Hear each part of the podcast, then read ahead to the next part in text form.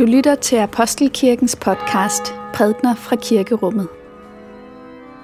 Find mere information på apostelkirken.dk.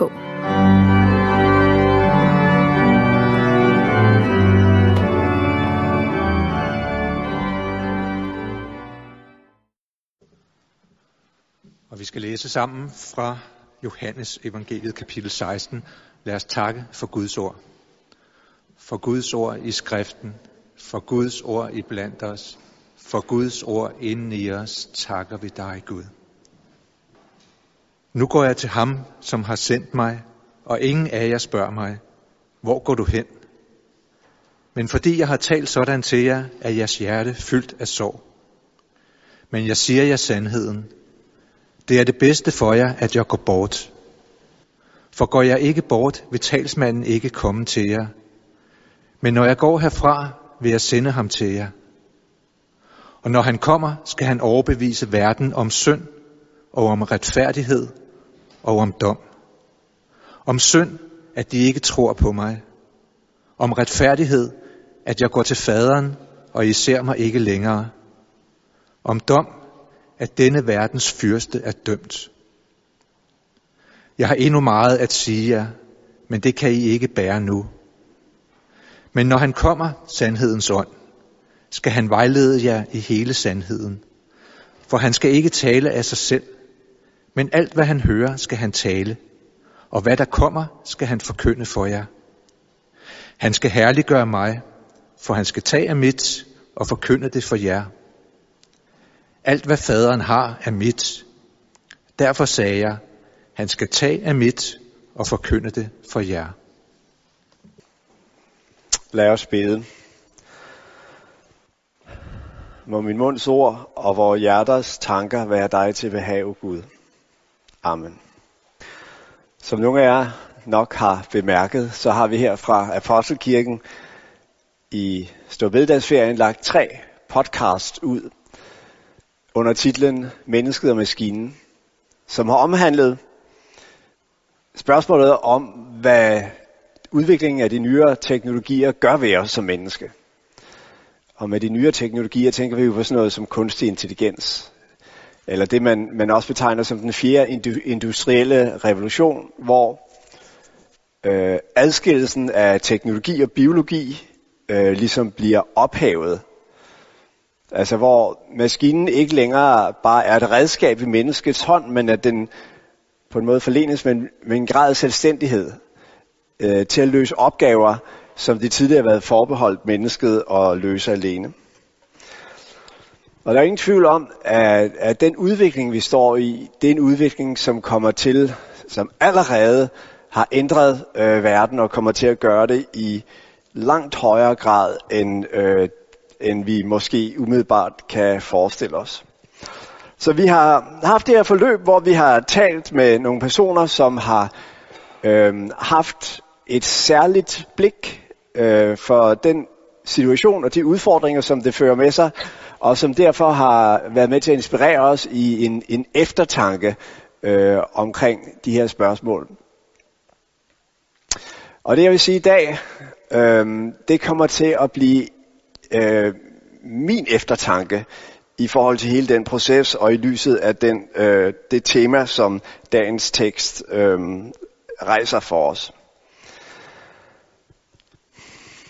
Og det første, som har slået mig, det er, at jo mere vi sådan har, har fordybet os i de forskellige fremtidsscenarier, som udviklingen af den her teknologi kommer til at føre med sig, jo mere er vi blevet kastet tilbage på det ældste af alle spørgsmål. Nemlig, hvad er et menneske? Og hvad er vores forhold til vores omverden? Hvad er det for en historie, vi som mennesker er, er bærer af. Er vi uerstattelige? Har vi en værdi, som går ud over det, som er vores øh, bidrag til verden?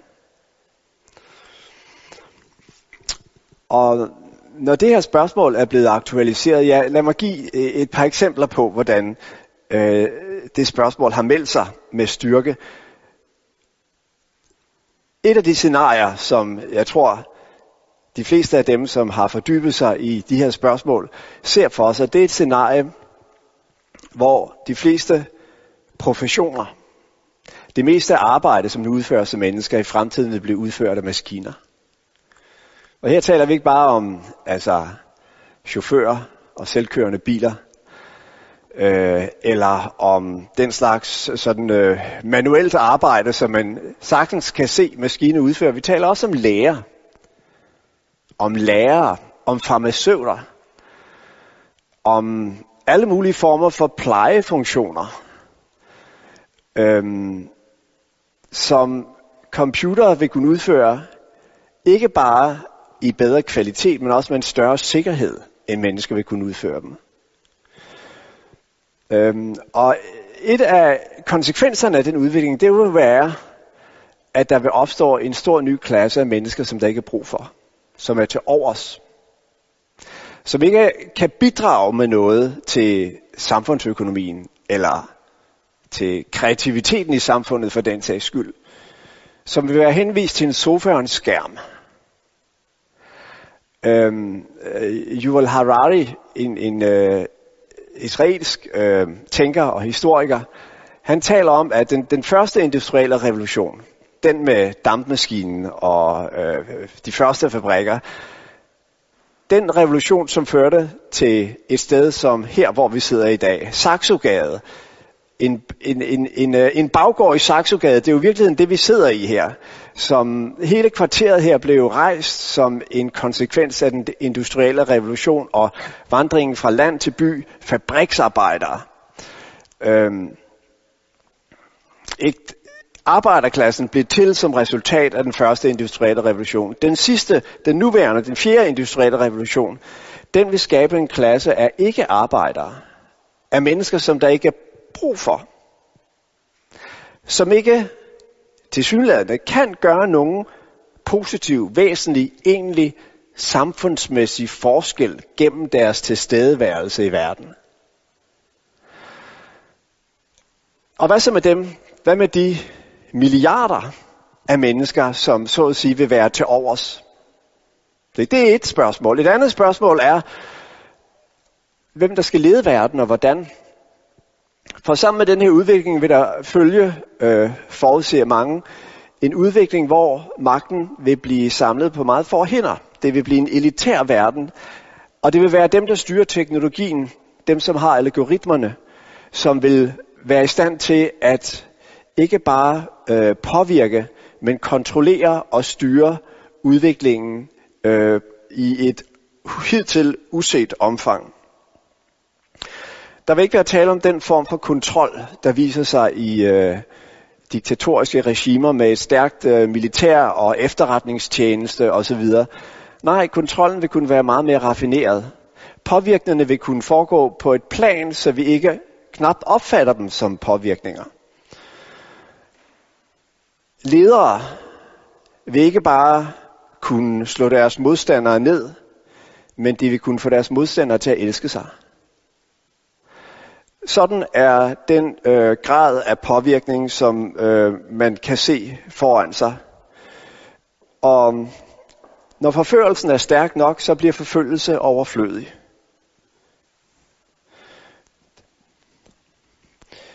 Så øh, det fremtidsscenarie, der viser sig, er ikke nødvendigvis et fremtidsscenarie, der handler om Ragnarok og øh, 3. Verdenskrig og det store sammenbrud. Det kan også være et fremtidsscenarie, der i virkeligheden handler om bedrag et fremtidsscenarie, øh, hvor øh, vi bliver ført et sted hen, hvor det er meget svært at, at, at foretrække egen frihed, og den lidelse, der kan være forbundet med det. Det kan være meget vanskeligt at, fra, at foretrække øh, kærlighed frem for tilfredshed eller tilfredsstillelse. Og hvor demokrati måske ikke længere vil kunne give mening, i hvert fald ikke i den form, som vi kender det nu. Og i og for sig er der ikke noget nyt i de to udfordringer, som jeg har skildret her. Øhm, der har altid været, og er også nu, mennesker, som ikke øh, har arbejde, som ikke på den måde bidrager til samfundsøkonomien. Øh, og der har altid været politiske ledere, som forsøger at manipulere masserne. Men de her teknologier vil gøre det muligt at føre det her ud til et, øh, i en radikalitet, som vi ikke har set før.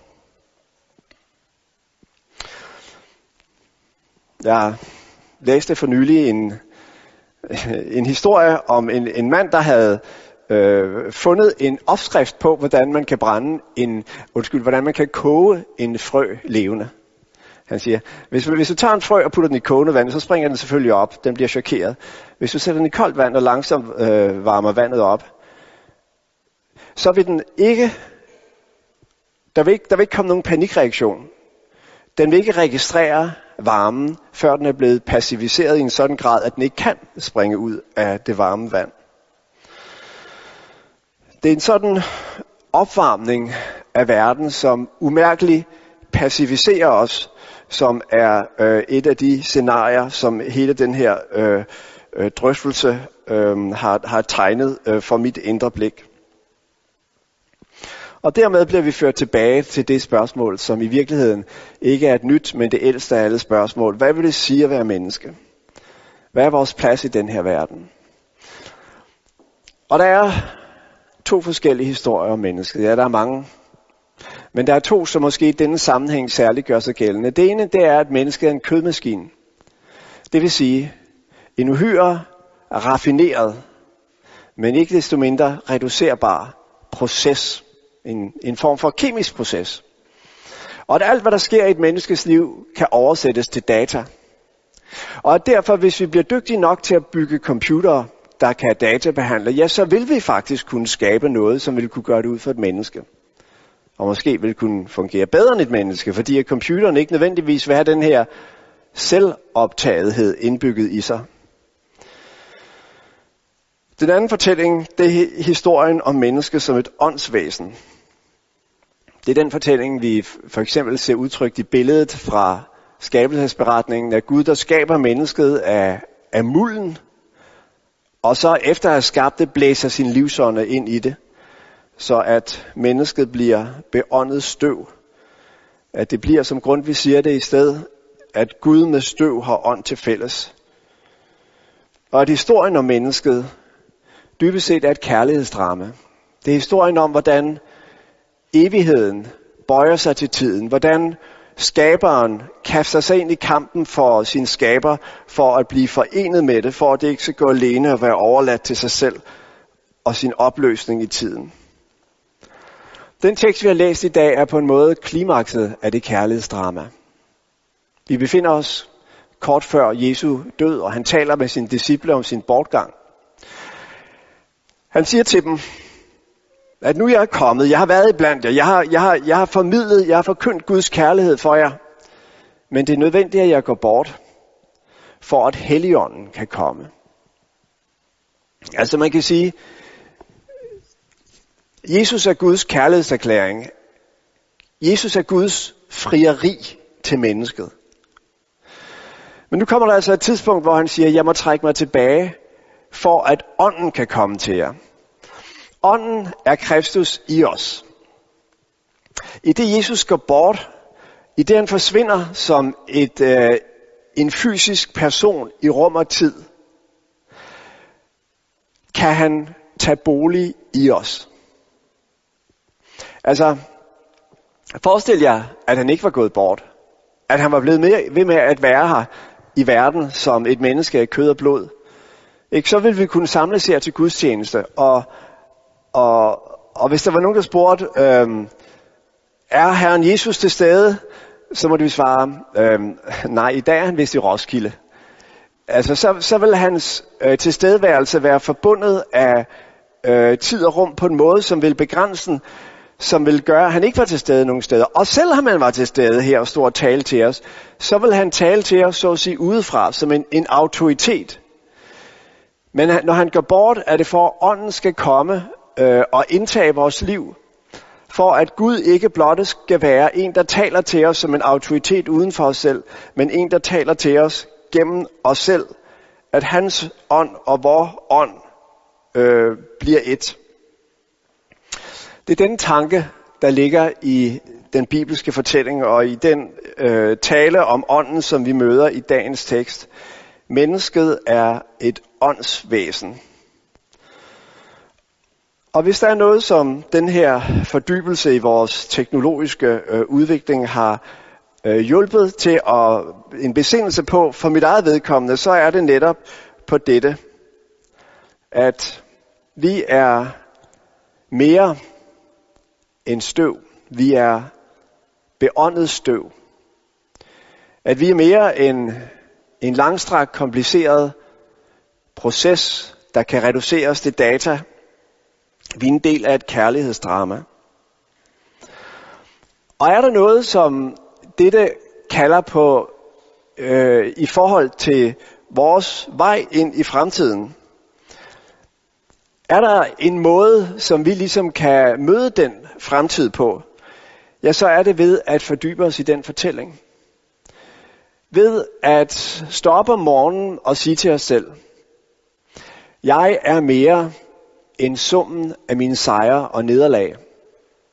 Jeg er et menneske, der er elsket af Gud. Jeg er en skabning, som skaberen rækker ud efter. Jeg er øh, Kristi udkårende. Og meningen med mit liv er ikke blot at komme ud og, og gøre en forskel. Men meningen med mit liv er at åbne sig over for det mysterium. Tag imod det, lad det bestemme mit liv, lad, mig, lad det sætte mig fri. Og hvem ved om ikke netop dette budskab i fremtiden og fremtidens overflødige menneskehed vil kunne vække en åndelig opvågning en besindelse på, at det vi er sat her for, er ikke blot at gøre vores øh, lille forskel, men det er at åbne os over for den kærlighed, der elsker os, som vi er. Lov og tak og evig ære være dig, vor Gud, Fader, Søn og Helligånd, du som var og er og bliver en sand treenig Gud, højlovet fra første begyndelse, nu og i al evighed. Amen.